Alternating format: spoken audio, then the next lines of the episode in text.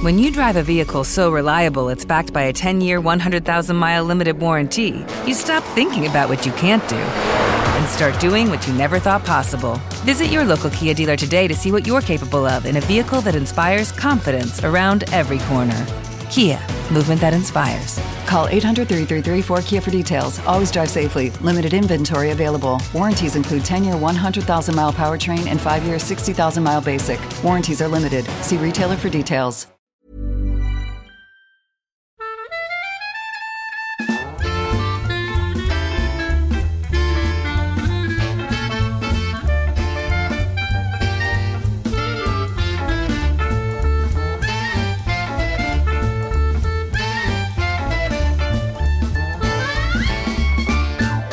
Hallå! Du lyssnar på podden Sissi och hormonerna här på Mama. Följ våra bloggar. Eh, Sissi Wallin heter jag då, på, också på Mama, på blogglistan där. Och vad heter eran blogg? Hormoner och hemorrojder. Exakt. Tessan är här med mig. Sofia är på knullkonferens som vanligt.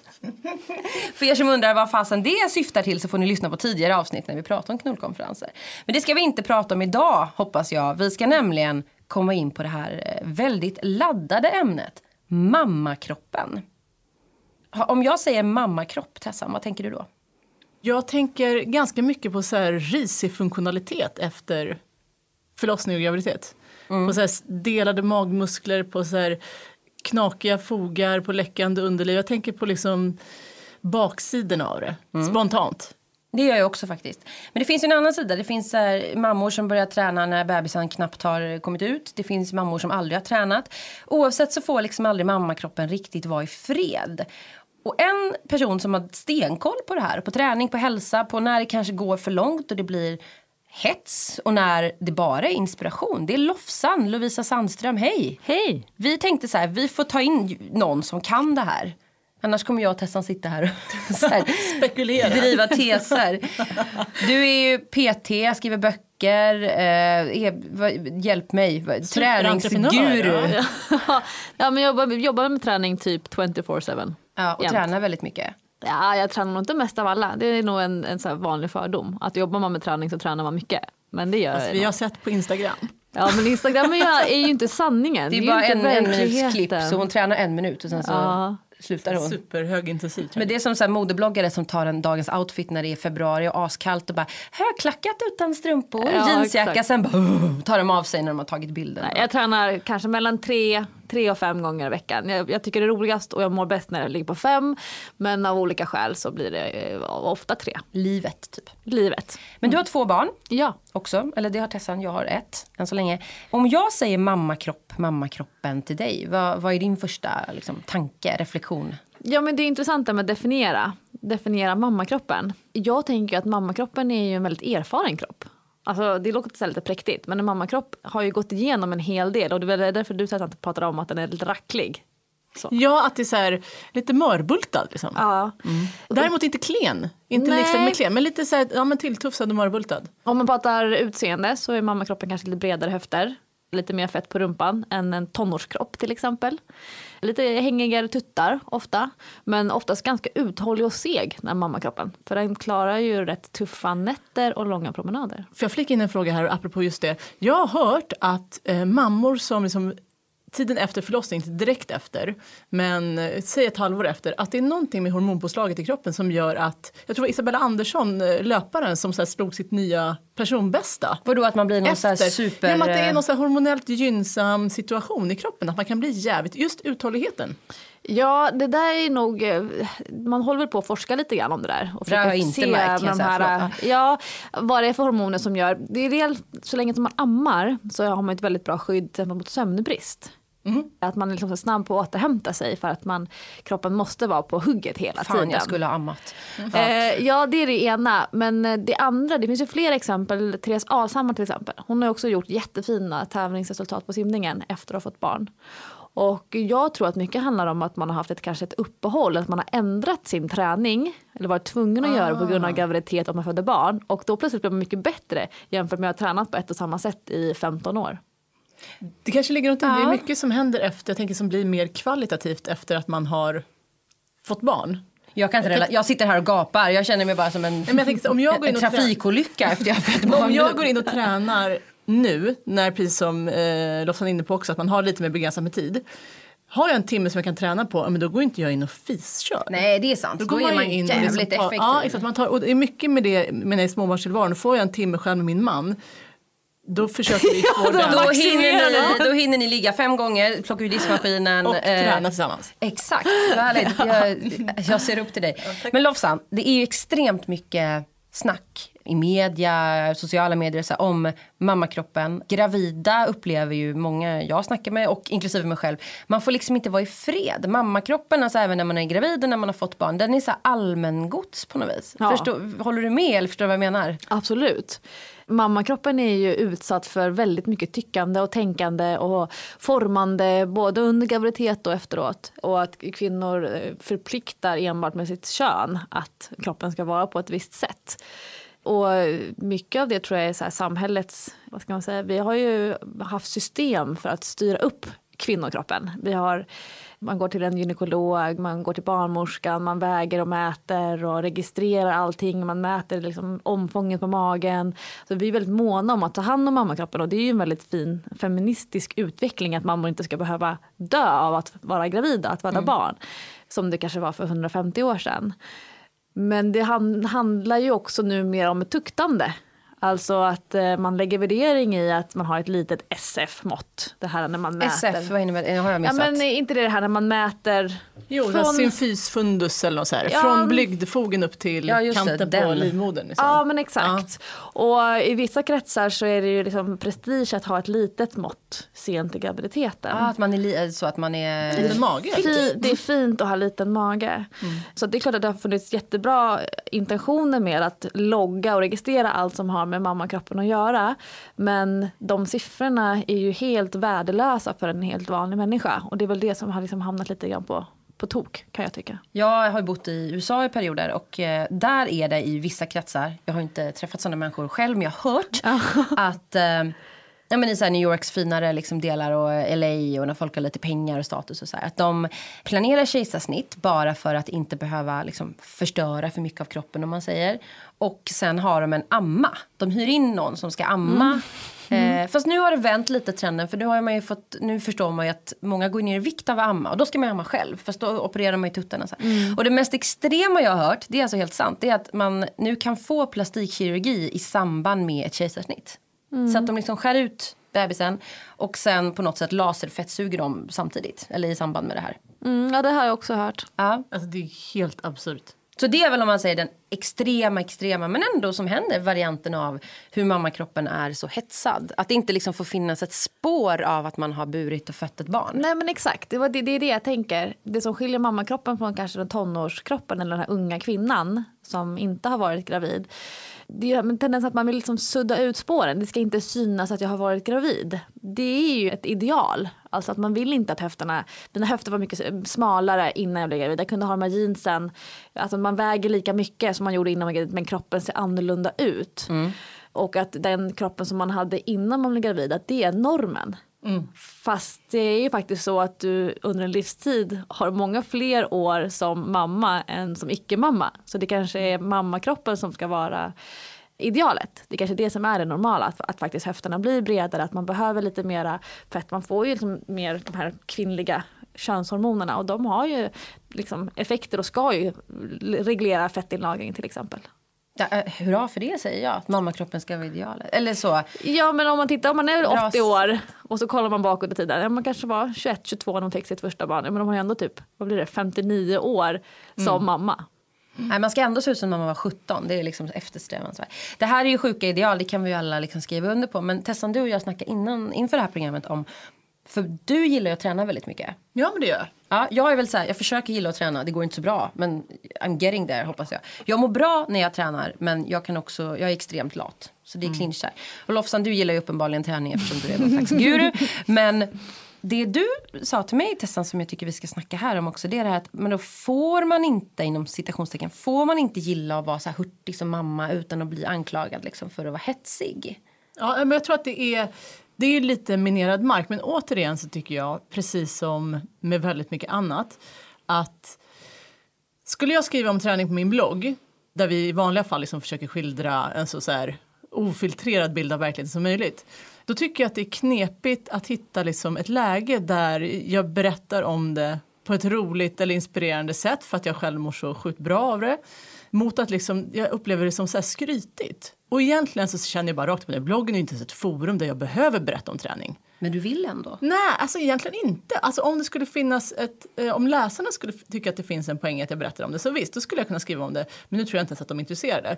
Men även typ, vi säger på min privata Facebook, mm. och, och sig, där har jag inget liksom, behov av att skriva om det. Men jag har tänkt på det ibland om man skulle tränat att hur skulle... du, vågar inte lägga, du vågar inte lägga ut saker där för du vet inte hur folk ska reagera. Nej och sen så tänker jag också varför skulle jag känna att jag behöver lägga ut det där? Mm. För jag mm. behöver inte det. Mm. Jag tränar ju för min skull och det är ju varken från eller till ifall jag berättar det för mina... Men gills det inte Lofsan om man har kört ett hårt pass på gymmet och inte berättar det på sina sociala medier?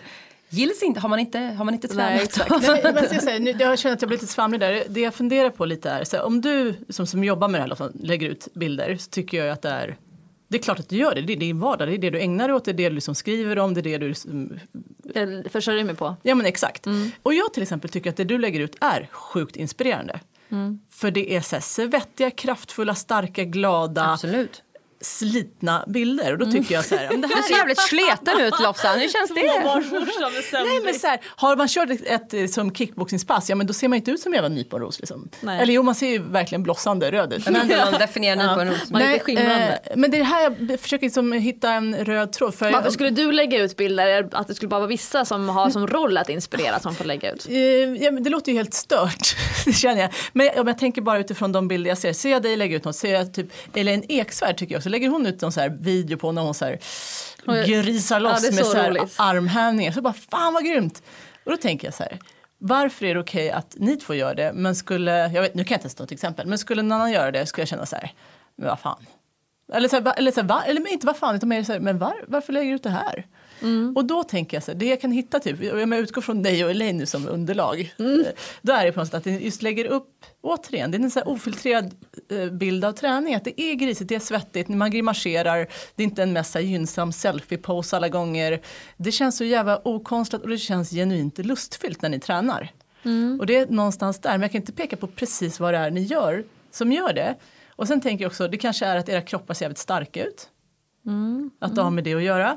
Och att sättet ni liksom skildrar träningen på inte, man märker så tydligt att det är inte för att ni ska så här, se snygga ut. Så träning Nej. känns så otroligt kopplat bara till någon så här vällust, endorfinrus och sån jävla kraft. Men om, jag, om jag tolkar det du säger så är det så här att eh, jag som är så här, en annan, det känns som att ni två sitter här och är så här, vi gillar träning, det är kul. Jag är liksom och gräver i ett annat land om man säger, ett annat potatisland och nafsar efter chips.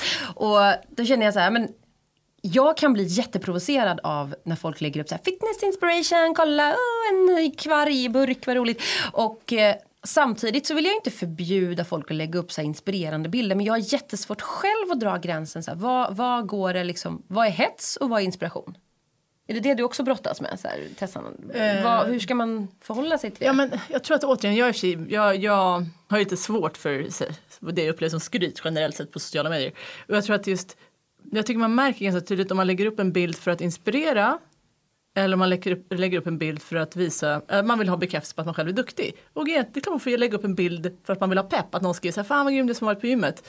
Men det är någonting där, då tycker jag, då är det inte liksom inspiration längre. Var, går gränsen för dig? Hur tänker du kring det här Lofsan?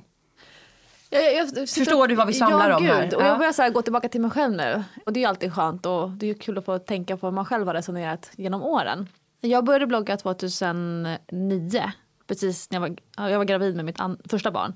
Och sen så jackade jag upp bloggen lite grann när han var född och hade bloggen som en, liksom ett, ett forum för mig själv att berätta om min träning.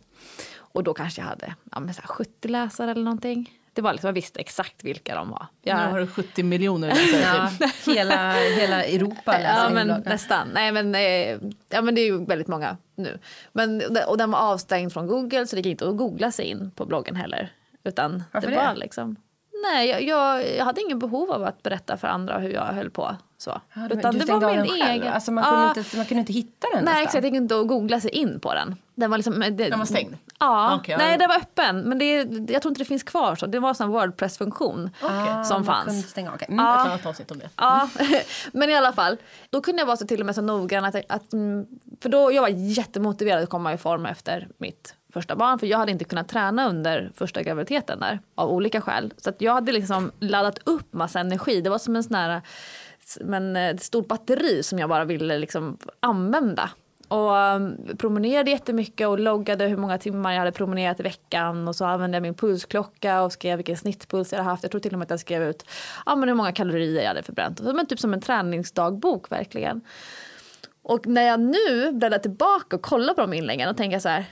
Herregud vad ointressant. Hur kunde folk tycka att det här var värt att läsa? 70 sjukt engagerade Ja. människor som bara, nu har hon bränt 230 kalorier, ja men vad spännande. Ja men de här 70 måste ju på något sätt då ha berättat för typ 70 personer var om att det där är en bra, bra blogg. Och sen har det ju liksom blivit en spiral. Så om jag tänkte så här, hur kan människor tycka att det är intressant nu så här i efterhand att läsa de här inläggen? Vad tror du själv? Nej men det, det, det, jag tror mycket av det här handlar om motivation. Alltså att det är motiverande att se att andra människor kämpar lika mycket som en själv. Att, att följa en person som inte har några friktioner, inte har något motstånd fysiskt eller mentalt, att allting bara är rosenskimrande, det är ju inte inspirerande. Vi kan ju se alla toppar på bloggare och såna här influencers, det kommer ju när de går igenom en kris. Alltså det bästa är ju när någon får cancer eller när någon dör, eller är sjuk Skiljer eller skilsmässa Är det eller det abort. man ska satsa på? Ja, men Fler det- aborter och skilsmässor i våra bloggar så bara statistiken Ja, men, men det Förlåt. som jag tror är jätteviktigt det är ju att, att, att visa att det, att det är ärligt. Det är det folk gillar för att det är inte så svårt att ta- sjukt snygga bilder och sen lägga upp bara fashion och så. Det, det är ju svåra är ju att vara ärlig och det är det människor gillar nu. Och det är väl det som jag känner, jag kommer ju undan med att hälsohetsa. Det är ingen som ifrågasätter mig eller som mejlar elakt till mig och skriver att jag är någon dålig förebild, tvärtom. Även de som är de mest framstående feministerna som, som håller på med det här med de här kroppspositivism Typ jag, och, ja, men även de kommer ju till mig och berättar hur inspirerande jag är för dem i sin egen acceptans av kroppens utseende och det här med att vara stark kvinna och så vidare. Men du har ju ett väldigt sunt fokus kan jag säga då ur min gnälliga feministiska synvinkel. Men kan du inte, om jag ska vara lite kritisk så här. Ja. den Ja, här får du jättegärna ja, men den blogg- Jag har inte följt dig från början 2009 så jag vet inte, jag bara hör vad du berättar. Men det du säger om att du var väldigt noggrann med att skriva hur mycket kalorier du hade bränt. Kan inte du känna idag att det där kanske inte var så sunt? Att Jag- ett fokus blir liksom på det här, bli smal, komma i form, komma i form. För du sa ju Ja. själv att du ville komma i form snabbt. Är Jag- det liksom sunt? Jag var ju tänka så? 24. Jag är 32 nu. Det har ju hänt jättemycket med mig under de här åren. Det finns ju jättemånga blogginlägg som jag skulle vilja radera. Men jag kommer inte göra det. För de har ändå varit med och format den som jag är. Och har ju också varit med och, och gett andra människor den bilden som de har av mig. Så det måste jag ju ändå stå för. Jag kan inte gå in och efterhand och radera grejer. Men det är ju en enorm skillnad för mig att skicka en bild till mina kompisar i en så stängd messenger-tråd på någonting som jag tycker är så roligt eller lite äckligt eller någonting. Och jag har ändå ett filter i att det här skulle jag aldrig lägga upp på min Instagram. Nej. Men då, eftersom jag visste exakt vilka människor det var som läste så kunde jag lägga ut saker för att det var liksom den här lilla gruppen som, som följde. Men de grejerna skulle jag aldrig nu kunna lägga ut för att nu är det inte samma människor som följer. Så jag har ju anpassat, vad ska man säga, behovet hos mig själv av att uttrycka mig kring mig själv. Så jag skriver väldigt sällan om hur jag själv tränar och hur jag äter och vilka träningsprogram jag följer och så. Därför att det finns ju alltid en tendens till att människor börjar härma och kopiera. Och så får de inte samma resultat som jag. Så blir de stressade och så. så, så att de Men det är, man hör ju, det är ju riktigt minerad mark. Alltså, du måste ju också Absolut. tänka till så Ja. in i bängen för att Ja. inte ja, men trampa i något klaver som kan uppfattas som stressigt av någon och så kommer några negativa kommentarer. Och, alltså det, det känns som att det kan spinna loss så Ja, snabbt. jag vill ju vara folklig.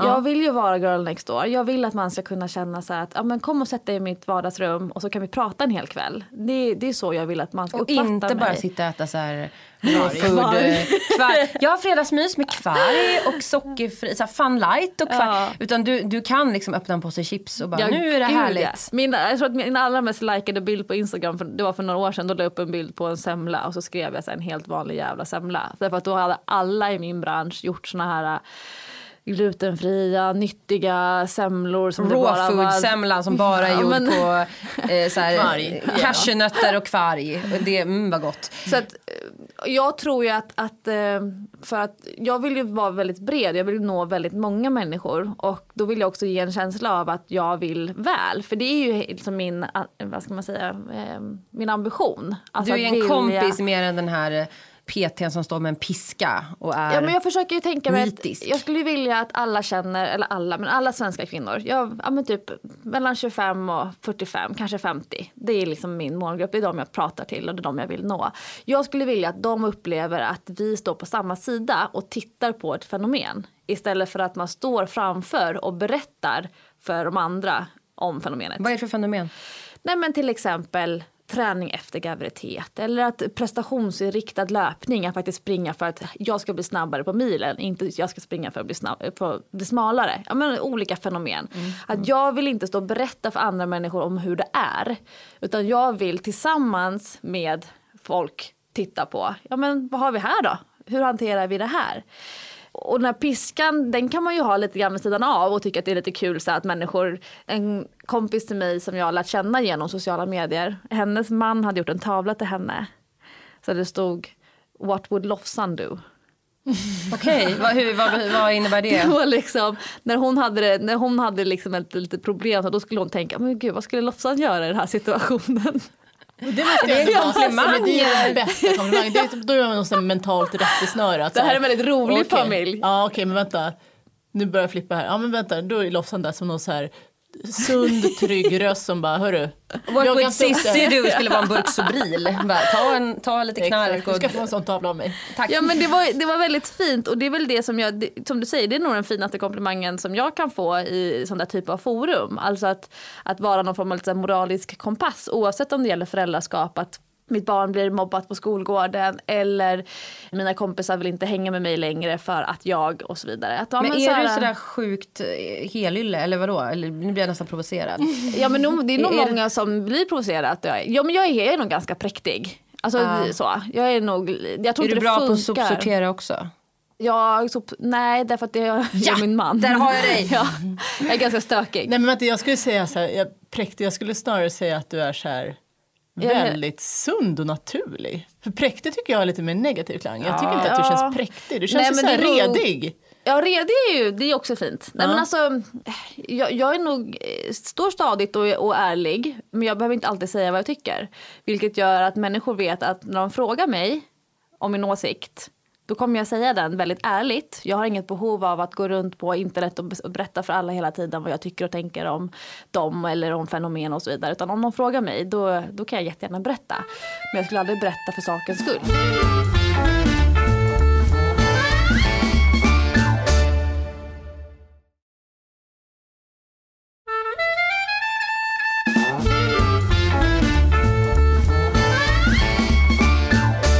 Fråga då, om du ska vara ärlig nu och svara, för det tycker Ja, jag. för nu frågar det du. förväntar jag mig. Ja. När du säger så här, jag ville komma i form. Du, Okej, du var 24, men det där fenomenet är ju, om vi pratar om fenomen, det är jättestort. Mm. Alltså alla vi som har fått barn eller folk som lyssnar som är gravida. Så här.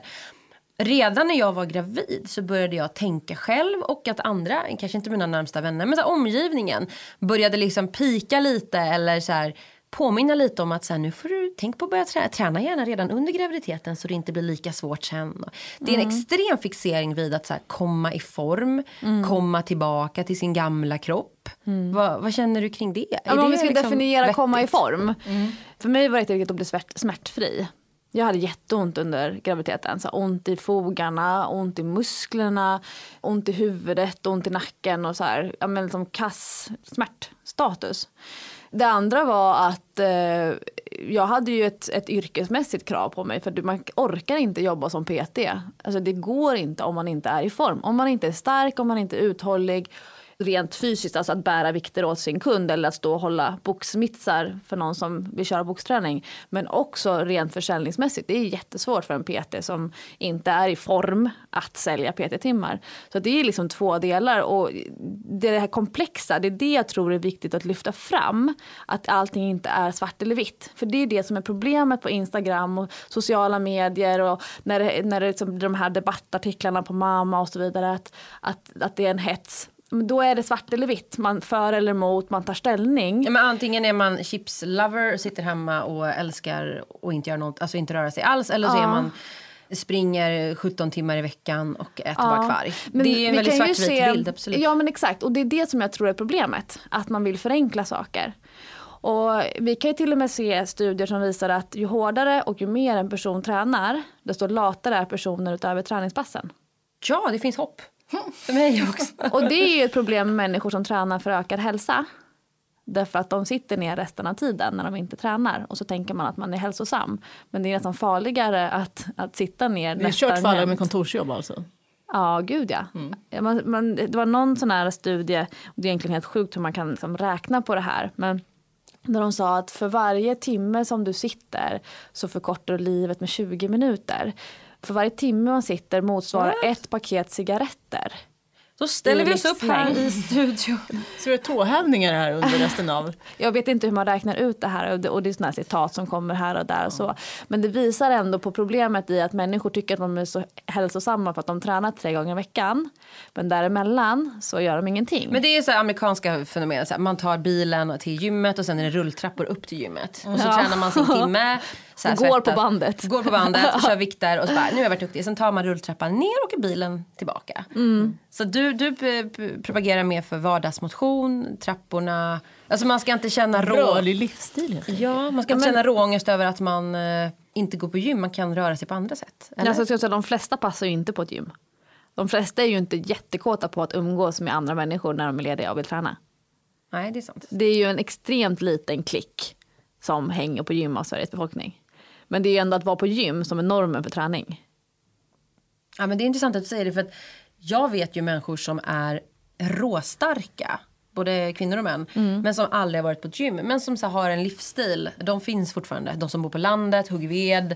Ja, men måste vara aktiva i sin vardag hela tiden. Och de fnyser ju. Min svärfar är en sån person. Han är liksom 60 plus. Han fnyser ju så här. Kom hit och hugg ved. Eller börja hugg ved. Så, så jag bara säger, ja fast jag vet inte vad jag ska hugga ved på söder. Ska jag liksom ställa mig på gården? ja, Affärsidé att erbjuda vedhuggning till hipsters istället för att... Det är Liksom, lite så hipster-koncept tror jag. verkligen, så här lumberjack mm. Nej, men jag tycker det är intressant med det här att komma i form för att Men det är alltså- också svårt att säga, nu, nu känns det nästan jobbigt att säga det för när jag var gravid så, nu säger jag det. Jag Säg gick det. inte upp jag gick inte upp mer än liksom vad graviditeten vägde. Så sen när liksom barnet var ute då var, hade jag inga extra kilon. Kul för dig. Ja, fast för mig var det då, då, då var jag angelägen om att komma igång och träna för att så mycket som jag hade tappat i liksom muskelmassa och styrka under den här graviditeten. För jag var väldigt, jag fick också ont under graviditeten av foglossning så så jag tog det, jag kanske gjorde fel, jag tog det väldigt lugnt med träningen istället. Men jag kunde inte gå långa promenader och så här. Men det det blev också så här, jag kände att jag ville komma i form, precis som du är inne på Lovisa, att jag hade aldrig varit så svag. Alltså min rumpa Mm. var helt borta, helt platt. Alltså så här ryggmuskler. För jag fick ju också barn som ville att jag skulle bära dem hela tiden. Så jag, de åkte ju aldrig vagn, jag bar ju det, barnen jag ihåg. Och då, jag var så här, varför tränade jag inte mer rygg under graviditeten? Och då sa jag det, inför nästa då ska jag fan ha tränat rygg. Så att jag, jag skulle nästan vilja säga så här till någon som är gravid, ett tips är som träna ryggen för du kommer inte orka bära annars. Nej. Men det är inte något jag vill säga till någon som är gravid. Men jag önskar att jag hade gjort det. För att, Att du hade fått det rådet. Ja, men att för sen när Ja. man står där och kroppen känns så här, som Bambi, man är alldeles vinglig och klen. Jag saknade som fan att vara stark och Ja, vältränad. det är skitskönt tycker jag att fokusera på styrka. För det kan jag känna så här, jag kommer till en punkt, jag är 31 och vi ska väl försöka liksom skaffa en unge till inom någon slags framtid. Och det är så här, jag vill inte vara smal. Alltså jag var, jag var liksom 10 kilo minus, vad är jag nu, 5, 7 kanske, innan jag blev gravid. Men jag vill inte, jag strävar inte efter att komma i mina gamla jeans igen. Jag strävar efter att bli stark. För jag har liksom aldrig varit, men jag är väl så här, inte jätteklen men inte stark. Jag vill bli ett jävla kraftpaket. Med Det är ju mitt ideal. Ja. Då är du och jag mer lika än vad du tror. Ja, det kanske det är. Och det känns så skönt. Och det kan ju också vara en hets. Testa så här, nej, så pju, det blir ingen Men det kan också vara en hets i Ja, det. men jag Men, vill se en liten beef ja, Kan exakt. inte ni fightas? Ja, jag, jag tror redan vi vet vem som vinner den. Lovisa visade just, eh, eller innan vi började spela in, sina blåmärken på ryggen från ett hårt kickboxningspass. Så jag, jag lägger alla mina pengar på lossat. Är det någon som vill lägga en peng på mig så eh, går ni Kanske in kan och fula swisha. Ja precis, jag kör det här.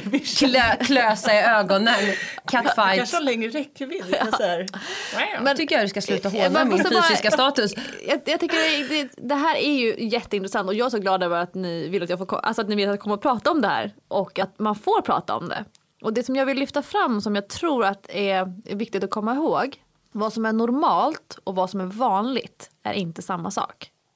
Hur, tänker, hur menar du då? Det är normalt att röra på sig åtta timmar om dagen. Men det är inte vanligt att röra på sig åtta timmar om dagen. Och det är det man måste hålla isär. Om man är vanlig, då är man inte normal. Därför att de allra flesta människor rör på sig ingenting. Så vi ska sträva efter mer det normala och inte de vanorna vi har idag, eller? Exakt. Egentligen, om vi säger så här, eh, någon som känner sig kritiserad för sin livsstil. Då säger man så här, för att försvara sig själv. Ja, men jag tränar inte mindre än någon annan. Jag rör på mig inte mindre än vad någon annan gör. Ja, men då innebär det med väldigt stor sannolikhet att du rör på dig för lite. Ja, det, det, ju, det är ju en jättedålig... Alltså jag förstår att man går i försvar, det gör jag också. När jag vet att jag borde träna mer och dricka mindre kaffe och allt vad det nu är. Men så tänker jag så här, jag röker ju i alla fall inte. Eller jag äter ju inte chips varje dag, nästan. Nej men förstår jag menar att det... nej jag faktiskt inte. Men...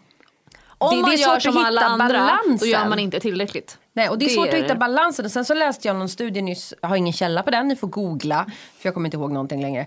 17 timmar i veckan ska man träna enligt liksom nya forskare för att det ska vara så här tillräckligt Ja, om du för vill att kroppen optimera. Ja men för att kroppen liksom, du har säkert bättre koll på det. Mm. Och det är så här, vem fan ursäkta men har tid med det? 17 timmar, det är alltså Måste hon jobba deltid eller någonting? Ja exakt, och, eller gå upp så här, vi pratade om det också innan jag testade. Ja, men jag orkar inte vara en sån människa, förlåt mig, men som så här, ja, men jag går upp sex nu, två timmar innan lämning på förskolan så hinner jag springa en runda så här. Jag får inte, jag orkar inte det. Nej. Ska man känna sig dålig då eller vad. Nej men det är ju ett problem att vi tar bilen överallt och att vi sätter barnen i fotbollsskola och så sätter oss på bänken och kollar på.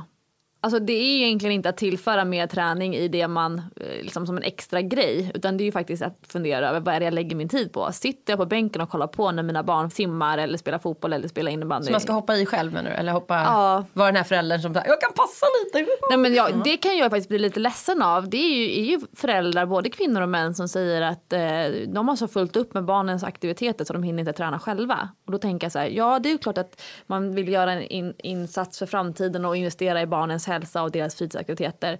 Men jag kan säga att barnen mår minst lika bra av att ha föräldrar som tränar och orkar. För vi vet ju också att på sikt för en vuxens hälsa är det jätteviktigt att man tränar när barnen är små.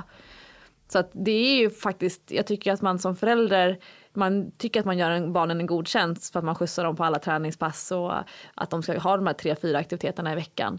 Men du får nog faktiskt prioritera dig själv ganska så hårt också för att annars så orkar man inte. Och jag blev lite så här, jag tänker att folk kanske blir så här modstulna när du bestämt sa det här att gör man som alla andra så gör man inte tillräckligt.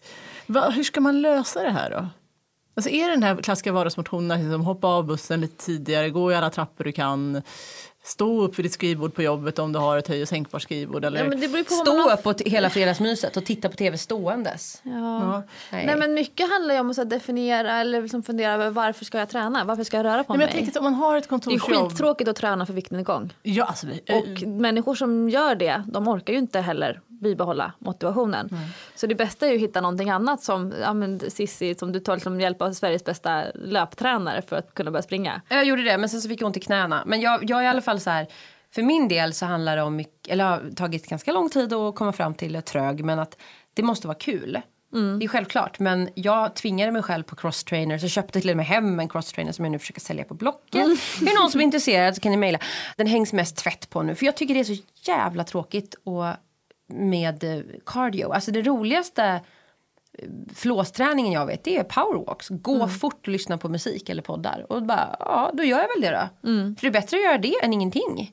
Och så går jag, gymmet tycker jag är jättekul att köra vikter. Och liksom bänkpress och benpress, och det tycker jag är svinkul. Men allt annat, typ stå på maskiner och svettas, är det tråkigaste jag vet. Då måste man ju inte göra det. Nej, och väldigt många av oss skulle ju må bättre av att träna utomhus. Dels för att eh, minska risken för att bli sjuk, för det är ju en jättevanlig grej att man tappar motivationen för att man blir alltid sjuk när man börjar träna. Men det är ju inte konstigt om man trycker ihop sig med väldigt många hundra människor och i alla deras kroppsvätskor och gnuggar verkligen in händerna i handtagen och så vidare. Men det också kan vi se att vi har ju en, en ökad förekomst av psykisk ohälsa i, Absolut. i stort. Och vi vet ju att fysisk aktivitet förebygger, lindrar och kan till och med åtgärda. Om vi dessutom är utomhus och tränar, då har vi liksom en dubbel dos. Mm. Träningsbranschen har ju lyckats väldigt väl med att här, sälja in träning som en medicin eller ett botemedel mot det mesta. Jag menar alltså att man blir snyggare, snabbare, starkare, går ner i vikt eller går upp i vikt, man får bättre sexliv, man blir gladare och så vidare. Men det är ändå så att vi kan liksom plocka argument till varför vi ska träna från en jättestor, lång lista. Men ändå så liksom får vi, kommer vi inte över tröskeln och tycker att träning känns meningsfull. Varför tror du att det är så? Att det är så att inte tillräckligt många rör på sig tillräckligt mycket?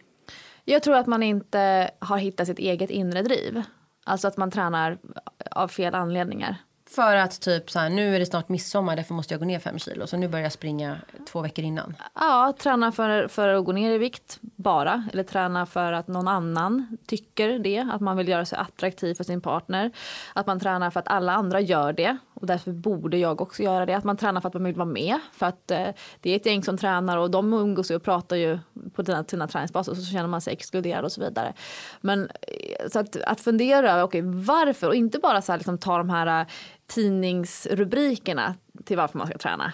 Utan det är något sätt ett, ett djupare plan. Och för mig, du säger så här, vad kallade du för mig? Du hade någon sån här, när du sa, du beskrev att jag var någon sån här superentreprenör. Superentreprenör sa jag. Ja, det är jättefint, jättefin komplimang. Men jag skulle aldrig palla de företagen som jag har, de verksamheterna, de konflikterna som blir, de relationerna att upprätthålla, att förhandla med avtal och allting. Jag skulle aldrig palla det om jag inte hade träningen. Och det har nästan blivit min nya drivkraft. Det är att orka med mitt jobb på den höga mentala nivån som det är jämfört med de första fem åren efter mina barn när de var små. Nu har de börjat skolan precis. Nu behöver jag inte träna längre för att orka vara en bra mamma så som jag var tvungen att göra liksom de första åren där jag kände bara herregud, jag kommer brinna av. Jag kommer säga elaka saker snart. Så går jag ut och tränar så kommer jag hem och säger världens bästa mamma. Och så där är jag precis. Ja, men det, jag kan känna också, gå till gymmet nu för tiden är ju det är egentiden som är så. Även om man står där och vill dö i vissa situationer för det är så jobbigt.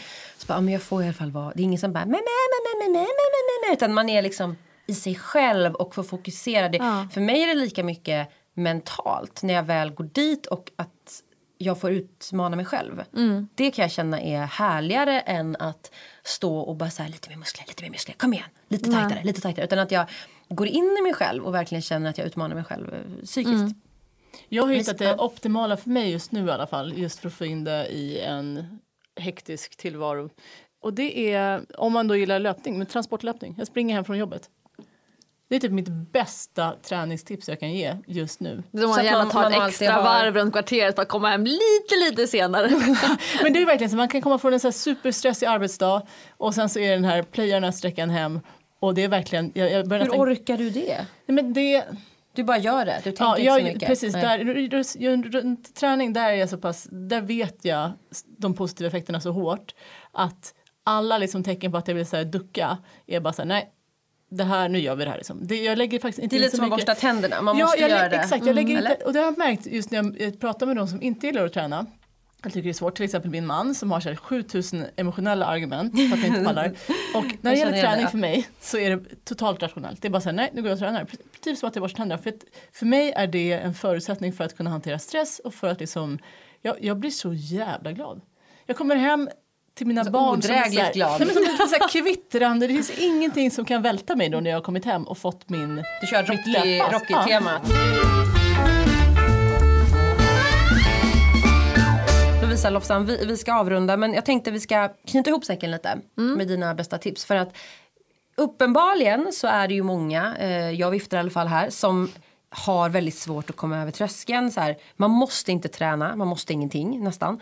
Men man mår kanske mycket bättre och många som lyssnar vill kanske komma igång lite. Inte för att gå ner x antal kilon framförallt utan bara för att må lite bättre. Mm. Hur ska man göra? Hur ska man börja? Om man ändå vill hitta motivationen. Och framförallt, förlåt jag petar in en fråga till här. Ja. Hur ska man få det att hålla? Att det inte bara är en så här två veckors fix idé och sen tröttnar man. Mm. Hur man ska få, få igång det, då brukar jag fundera över, okej, okay, vad gör jag idag som jag kan förändra idag? För att om man vill göra en förändring som man måste göra, det måste gå tid. Jag måste gå och köpa ett par träningsskor, jag måste gå och köpa ett gymkort, jag måste boka barnvakt då kommer det inte bli av. Så den förändringen som man vill göra i sin livsstil, det är någonting som att, ja men vet du, idag kan jag börja med det här. Då vet man att det är tillräckligt låg tröskel. Okej. Det är liksom allra viktigaste för att komma igång. Annars är det inte hållbart. För att om du skulle kunna göra det, då hade du redan gjort det. Alltid när man vill göra en förändring så tänker man så här, varför har jag inte gjort det förut? Ja, du har antagligen en lång lista på argument. Och då är de man vill liksom Det var undan. motvind och det var lite kallt. Mars månad. Ja, precis. Solen stod Så du ska kunna börja med din nya grej idag. Det är det allra första. Det är det viktigaste för att komma igång. Och då innebär det att man kanske lägger sig ner på golvet och gör 10 situps. Så, då har jag liksom börjat. Och så ska man faktiskt kunna klappa sig på axeln för det, eller hur? Det och är inte känna enough. så här, nu var jag lite dålig som inte gjorde Tio armhävningar tio armhävningar, precis. Och Också. då får man ju stänga av, avfölja lite sociala medier som kanske har tendenserna till att, att ge lite dåligt samvete, att aldrig är good enough. För det är ju mycket av det som är mitt jobb som coach. Det handlar om att få människor att känna att det är tillräckligt. För att det kan jag säga så här, det vi har ju klienter som tränar hur mycket som helst och de är inte mer nöjda än de som inte tränar alls. Så Nej, nöjdheten jag- ligger inte i hur många pass man tränar utan det finns ju på ett annat, ett annat plan. Och hur får man det att vara, för det kämpar jag med nu att få in det i min vardag, liksom i mitt liv, i min livsstil. Att så här, nu gick jag hit till exempel från Söder, vi är inne i city nu, Sveavägen.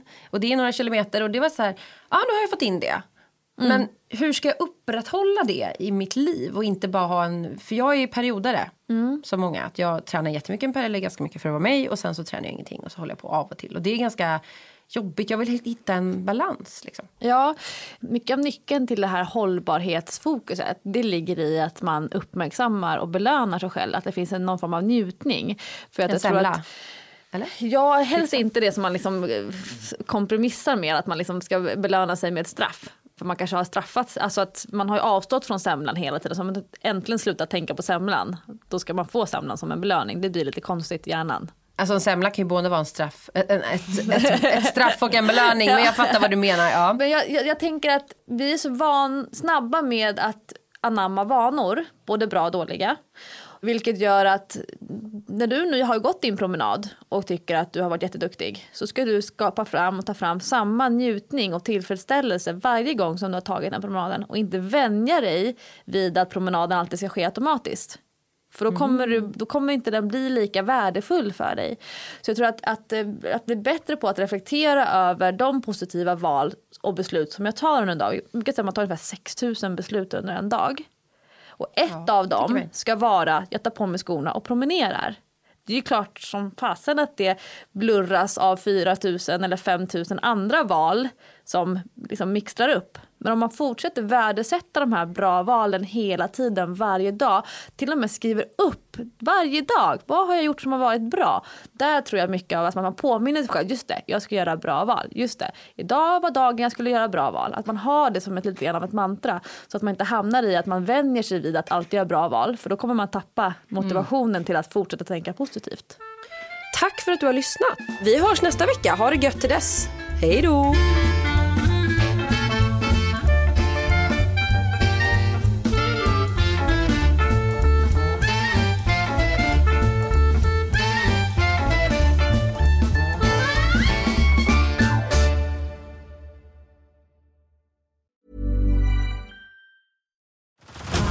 Head over to Hulu this March, where our new shows and movies will keep you streaming all month long. Catch the award winning movie Poor Things, starring Emma Stone, Mark Ruffalo, and Willem Dafoe. Check out the new documentary, Freaknik The Wildest Party Never Told, about the iconic Atlanta Street Party. And don't miss FX's Shogun, a reimagining of the epic tale, starring Anna Sawai. So, what are you waiting for? Go stream something new on Hulu.